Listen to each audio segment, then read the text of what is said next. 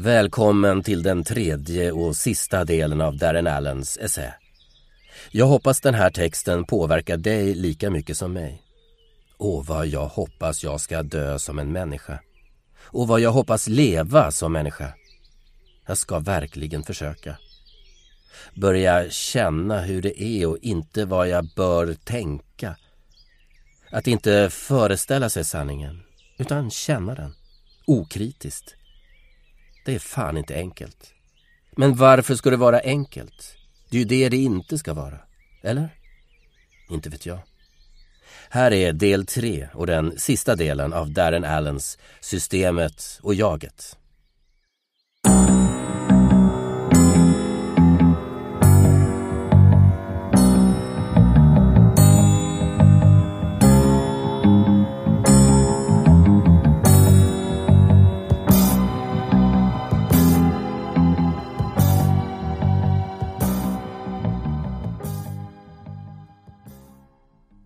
Hur började världen? En gång i tiden var det mänskliga medvetandet fritt. Livet var meningsfullt och samhället rättvist. Detta är inte en saga, utan en lätt verifierbar sanning. Vad hände? Tidigare sa jag att det första mänskliga verktyget var vårt förstånd. Förmågan att separera ting och framställa dem som idéer och tänka rationellt på dessa. Förståndsverktyget verkar ha antagit sin nuvarande form för hundratusentals år sedan. Det är omöjligt att peka på exakt när. En del säger att det uppkom så sent som för 60 000 år sedan. Andra säger tio gånger längre tillbaka. Men när det än utvecklades gav det människan förmågan att rationellt isolera objekt, namnge, tänka och tala om dem, vilket gav oss oändligt mycket mer makt och därför också mer ansvar än någon annan varelse på jorden.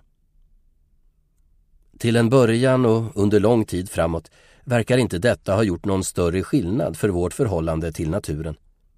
Vårt kulturella liv blev rikare och våra samhällen blev långsamt mer komplexa. Men vi var fortfarande inbäddade i naturen. Alla spår pekar på att det innan 10 000 år före Kristus inte fanns någon systematisk krigföring, ingen betydande ojämlikhet, ingen nöd och väldigt lite sjukdom. Det fanns smärta och ovisshet, men sånt är livet. Ingen har något emot det om man lever väl och människor levde väl. Allt det förändrades med ankomsten av civilisationen, den värld som vi känner till. Till en början runt 10 000 år före Kristus inföll en lång övergångstid då ursprungliga jägare-samlarsamhällen blev större och började experimentera med trädgårdsodling. Detta gav upphov till civilisation som vi normalt förstår den. Hierarkiska jordbruksstater kontrollerade av byråkrater och förstar och upprätthållna av slavar. En för den mänskliga erfarenheten nu vida erkänd katastrof. Vid 3000 år före Kristus, för 5000 år sedan, hade levnadslängden sjunkit dramatiskt i civiliserade samhällen. Krig rasade konstant. Förödande ojämlikheter slet itu samhällen och naturen exploaterades och förstördes systematiskt. Skuldslaveri uppstod och tillsammans med det beskattning, prostitution, ohälsa, eländigt slit, orättvisa maktstrukturer, alienering, specialisering, våldsamt underkuvande av kvinnor, barn och utstötta samt utbredd galenskap. Vad hade hänt? Jagets verktyg, det enastående mänskliga förståndets maskin, hade växt bortom sina gränser. Det tänkande, viljande jaget, den inbyggda datorn vi är så stolta över, hade slutat tjäna människan och börjat dominera honom. Människan såg inte längre världen och sig själv inifrån genom sin kvalitativa medvetenhet, utan utifrån, som en samling isolerade ting. Tingen är, som vi kommer ihåg, avgränsade och åtskilda från andra. Vad detta innebär är, som vi sett, att när människan började se verkligheten genom sitt tingskapande jags bilder, hans dödliga, isolerade, kvalitetsimmuna jag, började han istället känna existentiell rädsla, ensamhet och ovisshet. Allt detta var helt nytt för den mänskliga erfarenheten och en alldeles nyligen uppkommen utveckling i vår långa historia. Den existentiella rädslan och missnöjet det nya tingjaget kände är onaturligt. Djur känner naturligt rädsla i farliga situationer och om de är sociala djur attraheras de till sina likar och lider om de separeras från dem. Jaget som styr människan fruktade dock inte verklig fara eller separation från sina likar. Han var rädd för själva existensen och olycklig över att vara avskuren från den. Det är därför vi säger att vår rädsla, ensamhet och missnöje är existentiella. De genomsyrar och fördärvar själva existensen. Därför är den onaturliga, själviska människan det enda djuret som alltid ser rädd och olycklig ut. Så förskräcklig är den existentiella rädslan och missnöjet att jaget gör vad som helst, vad som helst, för att hålla dem borta och ersätter dem med tankar om evigt liv, status, sinneslöa aktiviteter, makt, egendom och självmedicinering. Jaget vill leva för evigt, genom ryktbarhet, magi, religiös eller teknologisk.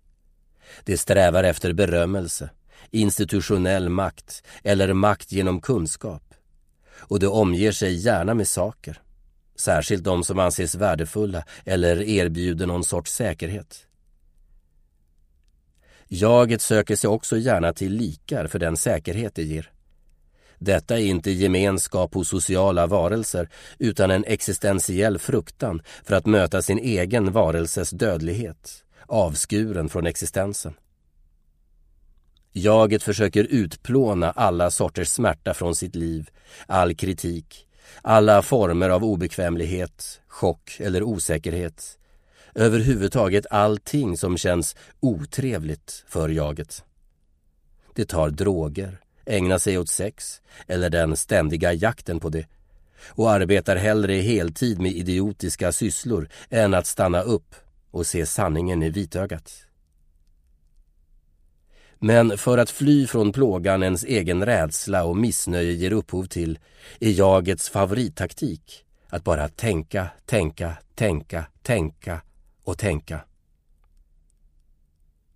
Vi kan se hur jaget började fungera på detta sätt vid civilisationens början. Jaget började törsta efter makt, smärtdämpande narkotika, stjärnstatus, den betryggande flockmentaliteten och alla andra tramsiga bekräftelser som vi idag är så vana vid. Jagen började då också skapa de första maskinerna och institutionerna. Den tidens teknologier var enkla och gav därför väldigt svaga institutioner som ständigt störtade samman eller blev förstörda av fientliga grannar. Men de enorma organisatoriska strukturer som till exempel byggde pyramiderna var hyperkomplexa verktyg på samma sätt som våra transportnät är det. Så till sist skapade man religioner för att berättiga det hela.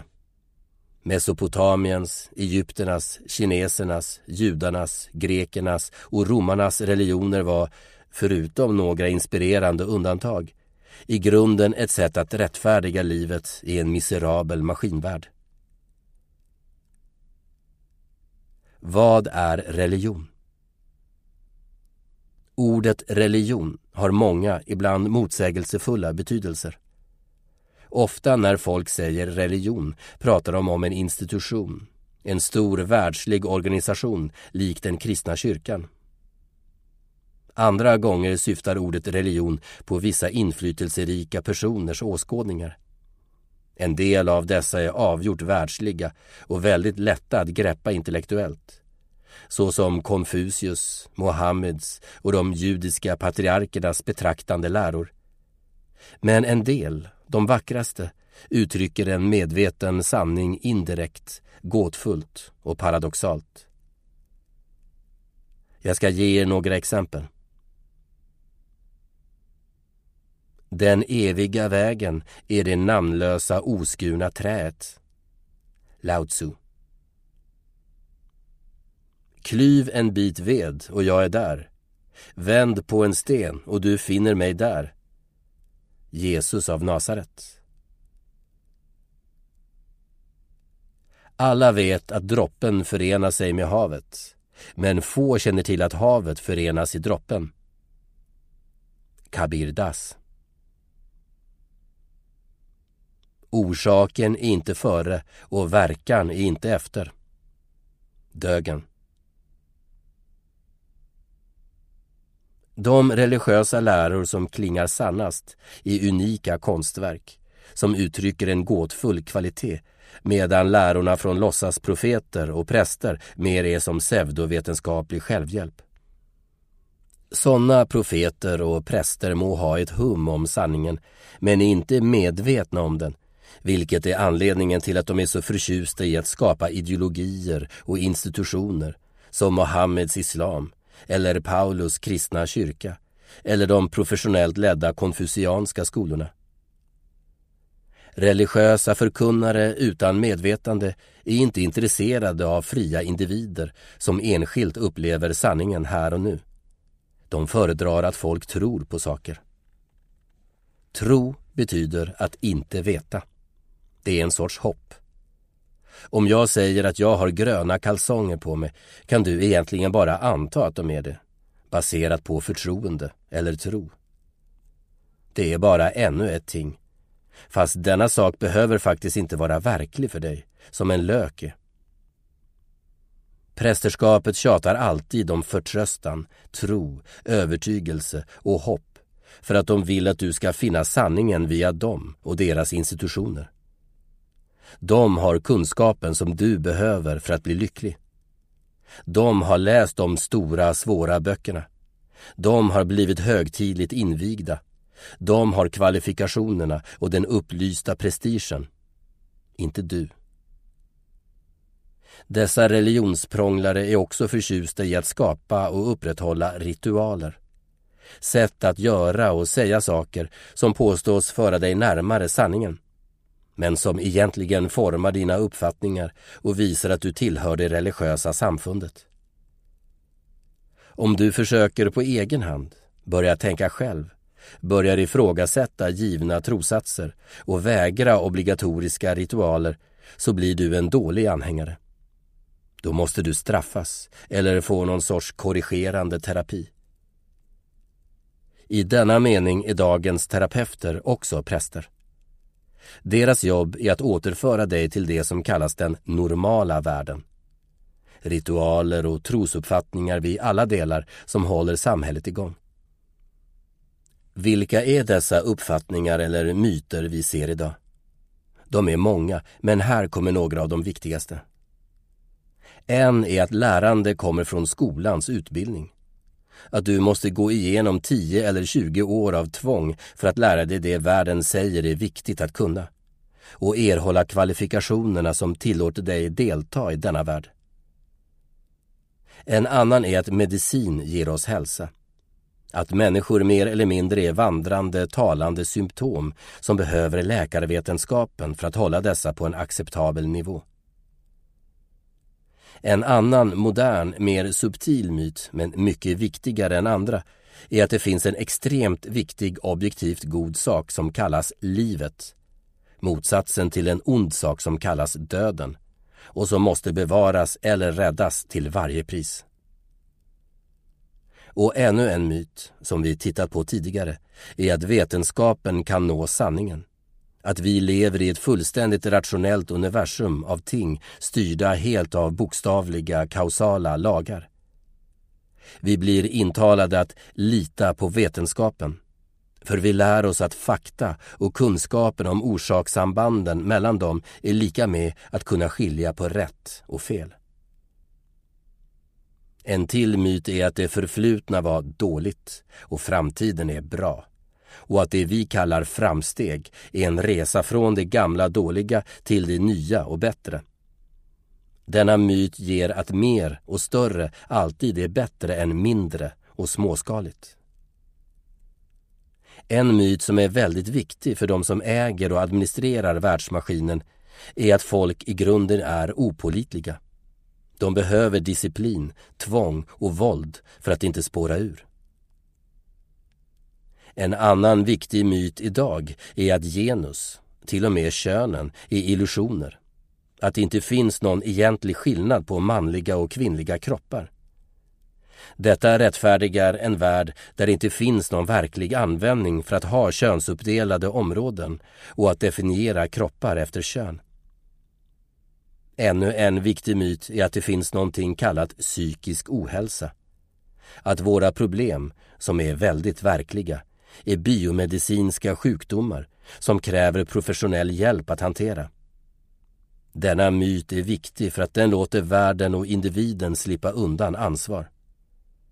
Och så vidare. Om du vill veta vilka världens myter är kan du bara slå på nyheterna eller lyssna på det vanligt folk pratar om. Då får du själva kontentan. Eller lägg märke till vad som inte kan sägas och kritiseras. För några hundra år sedan var det omöjligt att säga att Gud inte finns, att kungen är ond eller att sex är bra. Det var för att överspända präster och förstar regerade världen och sådana idéer hotade deras makt. Idag kan man inte säga eller agera utifrån idén att vissa samhällen eller kulturer är värre än andra. Eller att värre ens existerar. Att män och kvinnor är olika. Att psykisk ohälsa är en myt. Att det är okej okay för människor att dö. Eller att det är okej okay att äta djur. Om du yppar någon tanke som hotar maskinen eller de som äger och tar hand om den kommer du förr eller senare få stifta bekantskap med en välmenande, omtänksam tjänsteman i ditt liv. Eller så kommer du märka hur maskinen börjar exkludera dig från dess välmenande, inkluderande omsorg. Det är viktigt att inse att inget av detta sker avsiktligt. Till exempel behöver ingen av systemets myter explicit läras ut. De lärs redan ut. Det är vad skolan är till för. Och alla tv-program och böcker och webbsidor. Fast det är inte nödvändigt, för folk tänker automatiskt på detta sätt. Som vi sett föds vi in i maskinvärlden. Vi formas av den från födseln. Våra sinnen fylls av den. Vår livsstil dikteras av dess villkor. Vi är maskinmänniskor, så vi tänker och förstår automatiskt som sådana. Jag talar inte bara om innehållet i våra tankar och våra uppfattningar och emotioner, utan också om själva tankeakten. Inte bara vad vi ser i våra bilder, utan att vi erfar en föreställning. Det är relativt enkelt att hantera dumma tankar, felaktiga uppfattningar och otrevliga känslor. Du kan bara byta ut dem mot andra.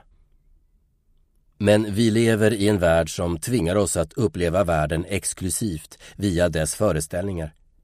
Vilket förnekar oss den direkta erfarenheten av tinget i sig självt genom vårt medvetande. Detta förnekande exkluderar per automatik kvalitet.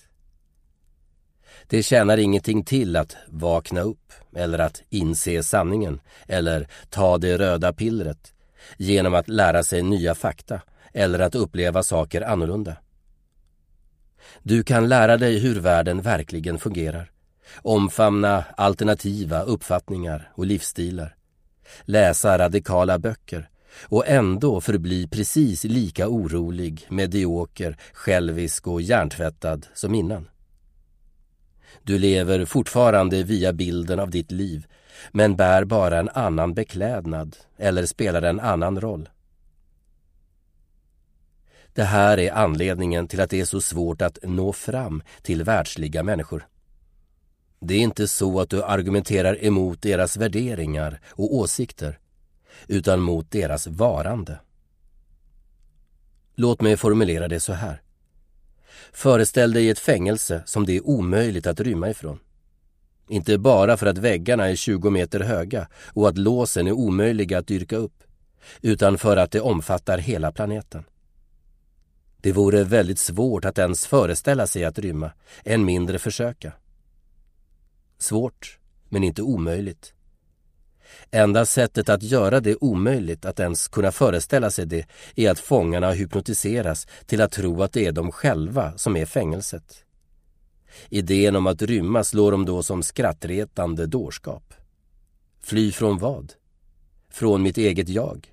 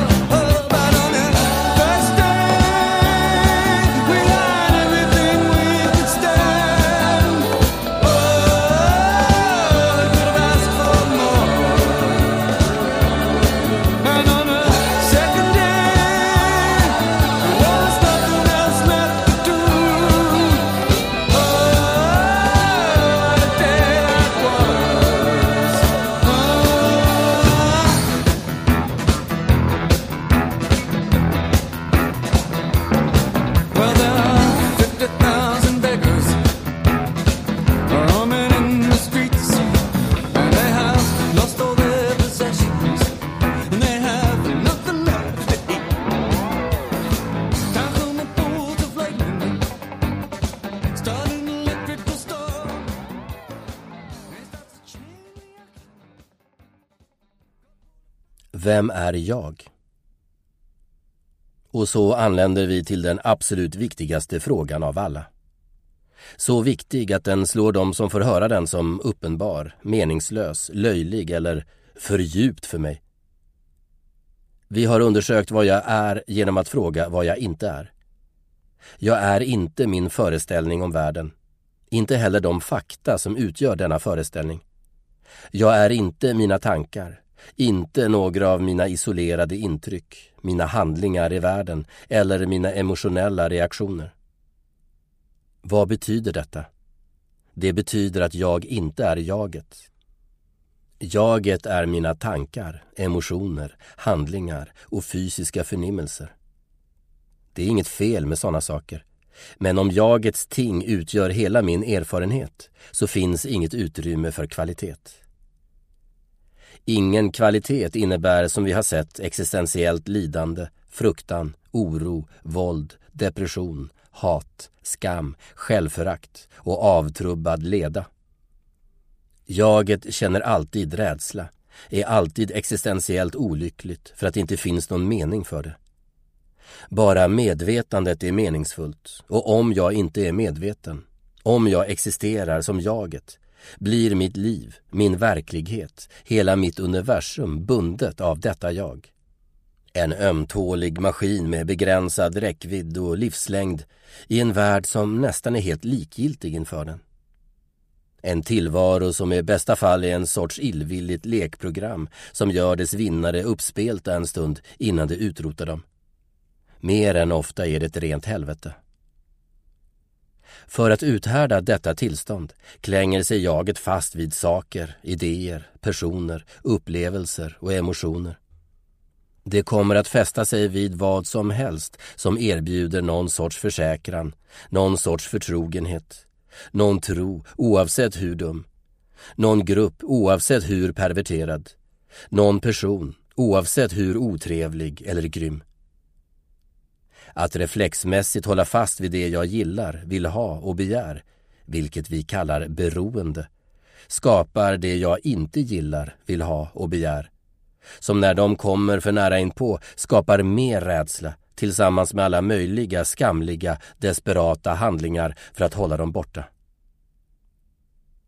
Det existentiellt rädda, ensamma och osäkra jaget är okänsligt inför kvaliteten, livet, kärleken, sanningen. Det finns en dödlig kyla hos det. Och ändå är det på samma gång oroligt, vakande, uppfyllt av önskan, hopp eller oro. och alltid genomsyrat av saknad. Och när det hotas av osjälviskhet, kritik eller något det inte gillar svarar det med hån, förlöjliganden eller blir känslomässigt, antingen masochistiskt eftergivet eller sadistiskt våldsamt. Men detta är inte den jag är. Och ibland vet jag det.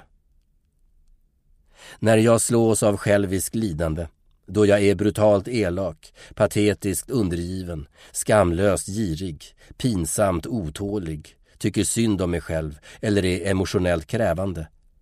Vid dessa tillfällen kan jag ibland höra mig själv viska Jag hittar på det här. Det är inte jag. Så vad är jag? Vem är jag? Vi har sett att jag inte är filmen. Jag är filmens medvetande. Men hur ska du bryta dig fri om du har växt upp i en värld som har betingat dig att leva på och via skärmen?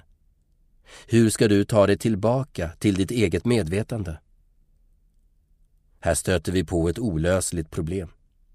Inte för att det är omöjligt att vara medveten, utan för att det är omöjligt att förklara hur du blir det. För att medvetandet inte är ett ting som kan nås genom kunskap eller teknik. Minns att förståndet förvandlar medvetandet och naturen till ting som det sen kan resonera kring. När det hör sanningen förvandlar förståndet den till en sak, en åsikt, genom att medge eller motsätta sig den. När det trots sina förnämliga åsikter och prestationer inser att det fortfarande inte är lyckligt börjar förståndet åter leta efter saker att förstå och en rimlig flyktväg från sin olycka för att nå lyckan. Men du kan inte ta dig till vem du är. Om du följer en väg till ditt eget medvetande kommer du att förbli på en väg vilket inte bara innebär att använda ditt förstånd för att klura ut hur du blir lycklig. Det betyder också att lyssna till din kropps fysiska behov, agera på ett visst sätt och erfara vissa sorters emotioner. Inte för att det är fel med något av detta, men du kan inte uppnå osjälviskt medvetande, genuin sinnesro, kreativitet och kärlek genom jaget. Ta som exempel dina emotioner. Vad händer om du alltid gör precis som du vill? Om du bara tränar eller arbetar eller älskar eller någonting annat när du känner för det? Slutar det med att du lever det liv du vill ha? Eller vad händer när du känner dig orolig och försöker bruka ditt förstånd för att hantera problemen? Om du försöker komma på vad du ska göra genom den mentala aktiviteten som kallas oro. Eller om du agerar utifrån din oro, försöker kväva den, överrösta den eller fly från den. Funkar det? Och hur är det med lärandet? Vissa tror att allting ordnar sig om de bara skaffar sig kunskap. Då blir de säkra, lyckliga eller kloka. Se på dem som har utbildat sig länge. De högt kvalificerade de smarta personerna? Är de moraliska giganter? Är de briljanta och kloka? En del som läser detta kanske annars är upptagna med att lägga all sin energi på att hålla otrevliga känslor stången genom att bli rika, lyckade, bekväma, kända eller trygga. Hur tycker du att det fungerar? Andra känner kanske att de går i motsatt riktning genom att dra ner på sina ägodelar, använda sina rationella förstånd till att bemästra sina emotioner och försöka meditera sig till ett så kallat upplyst tillstånd. Hur går det för dig? Är du upplyst än? Är du överfull av kärlek och sprängs av genuin kreativitet? Jag vet att du vill ge sken av det, men är det sant? Verkligen? Hur är ditt kärleksliv? Eller du kanske är en av många som anser att världen måste förändras innan du verkligen kan bli den du är. Att vi behöver en revolution. Ett nytt rättvisare, snällare system som funkar för alla. Då blir vi fria. Hur går det? Är du ett enda steg närmare lyckan än innan du inledde ditt ädla uppdrag?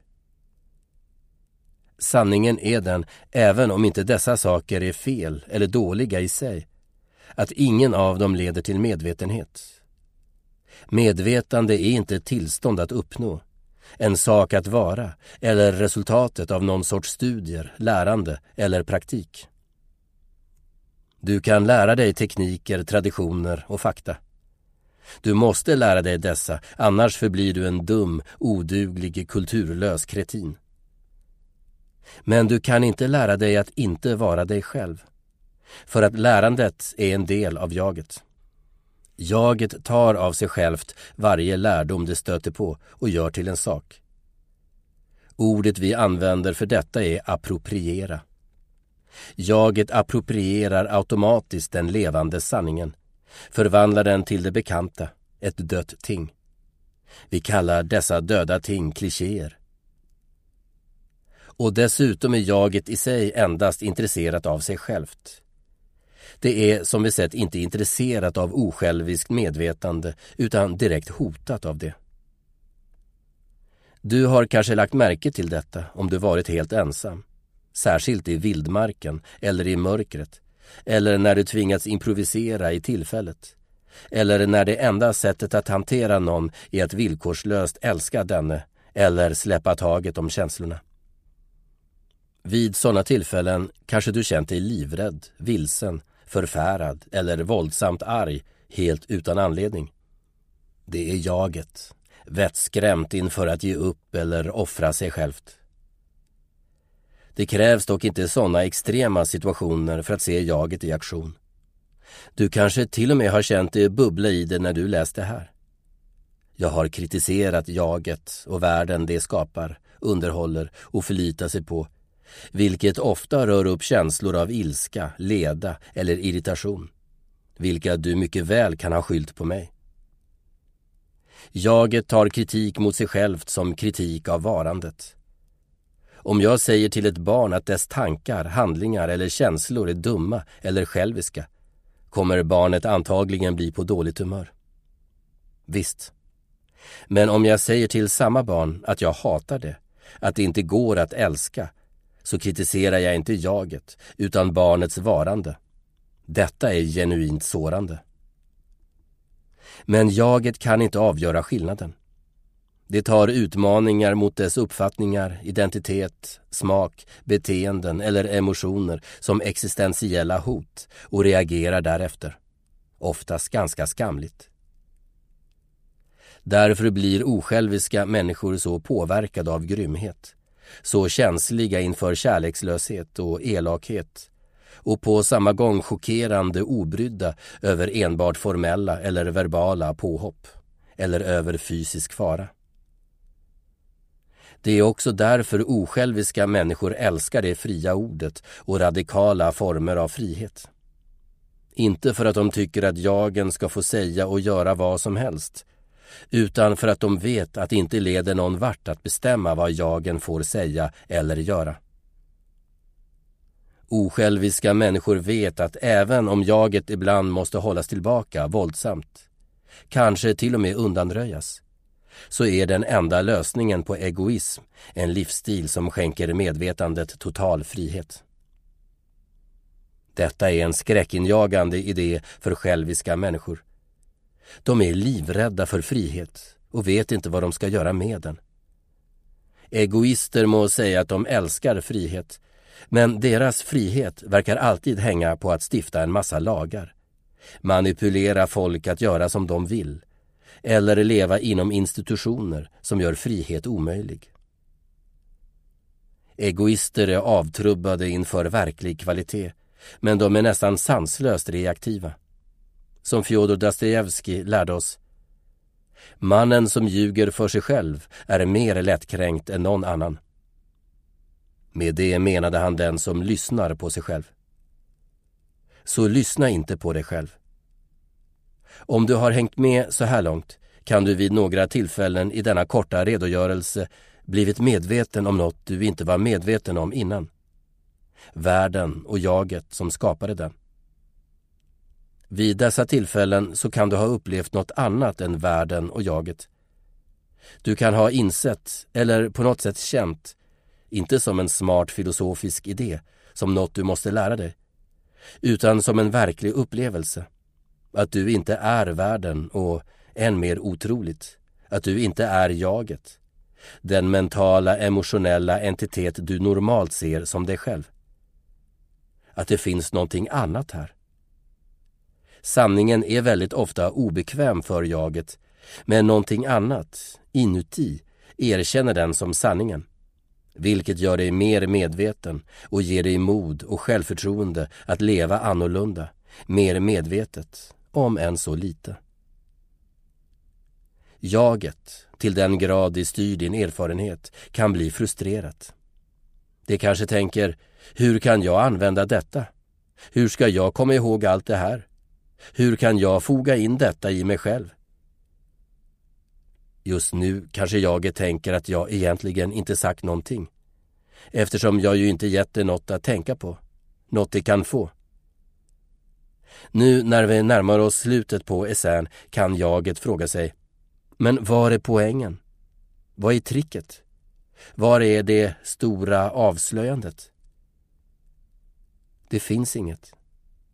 Om det gör dig besviken bör du vända dig om, skaka dystert på ditt huvud och skaffa dig en lära, ett budskap, en skola, teori, gemenskap, position eller en ideologi. Något jaget kan tro på. Det medvetna jag som dröjer sig kvar söker inte efter ett budskap det kan ta med sig. En trevlig liten teknik eller lära. Till den grad jag har kunnat läsa dessa ord utan att åsikter, uppfattningar eller känslor har kommit i vägen kan jag glömma dem när de är slut och gå vidare. Inte genom att praktisera något, följa en lära eller genom att få någon sorts visdom. Inte genom att göra eller tänka någonting. Det är bra att lyssna till eller läsa om sanningen. Det är bra att vara medveten, precis som det är bra att älska naturen, vara en del av en levande kultur och att utföra nyttigt och skönt arbete. Allt detta goda gör mig mer medveten. Det finns ingen gräns för hur medveten jag kan bli eller hur mycket kvalitet jag kan vara medveten om. Men förr eller senare ställs detta medvetande inför världen och då kommer mitt förstånd signalera att jag har ett svårt beslut att fatta. Men mitt förstånd har fel. Det finns inget beslut att fatta. Det finns inte eftersom vare sig världen eller jaget tar det. Jag tar det. Inte personen som skrev dessa ord. Inte heller orden själva och inte rösten jag hör säga dem i mitt huvud. Det är inte jag. Jag talar om det som läser dessa ord, det som lyssnar till rösten i huvudet. Rösten i huvudet är livrädd att kapitulera inför det som lyssnar på den. Den böjer sig inför ett rationellt system, inför nyckfulla tyranner. Den böjer sig inför ondskan själv, bara den, rösten, får fortsätta babbla, tro, hoppas, begära, ängslas, äggas, tycka och få saker. Till sist måste den dock lyssna, verkligen lyssna. För att till slut dör jaget, ditt och allas jag dör. Då slutar rösten att tala.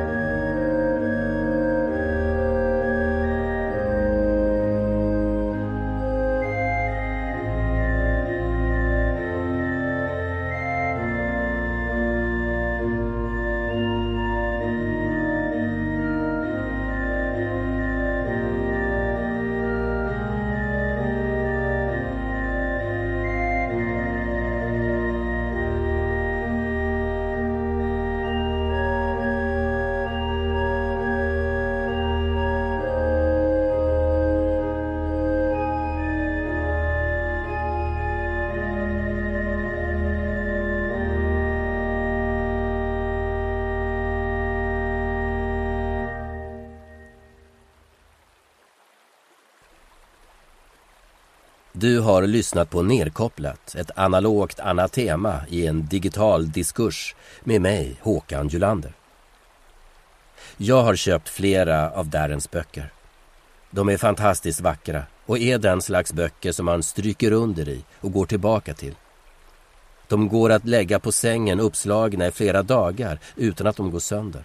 Slitstarka, både mentalt och fysiskt. Jesper Jäderqvist som har översatt och mastrat detta program och jag söker en förläggare som vill ge ut hans texter på svenska. Framförallt en bok som heter 33 Myths of the System.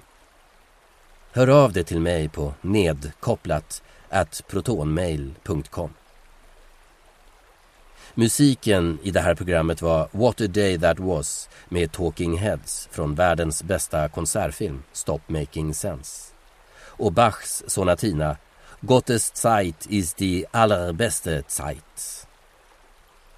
Har du tankar du vill dela med dig av efter att ha lyssnat går det bra att höra av sig på mejlen. Jag lovar att det ska bli mer program framöver. Både intervjuer och essäer och kanske någonting annat. Med det sagt, gå med Gaia så hörs vi.